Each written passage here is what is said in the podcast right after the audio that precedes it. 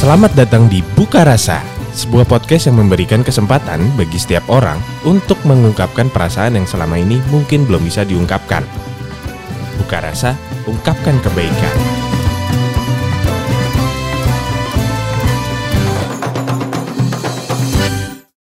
Halo, gua Rizky, gua 27 tahun. Gue ingin membuka rasa bahagia banget ya.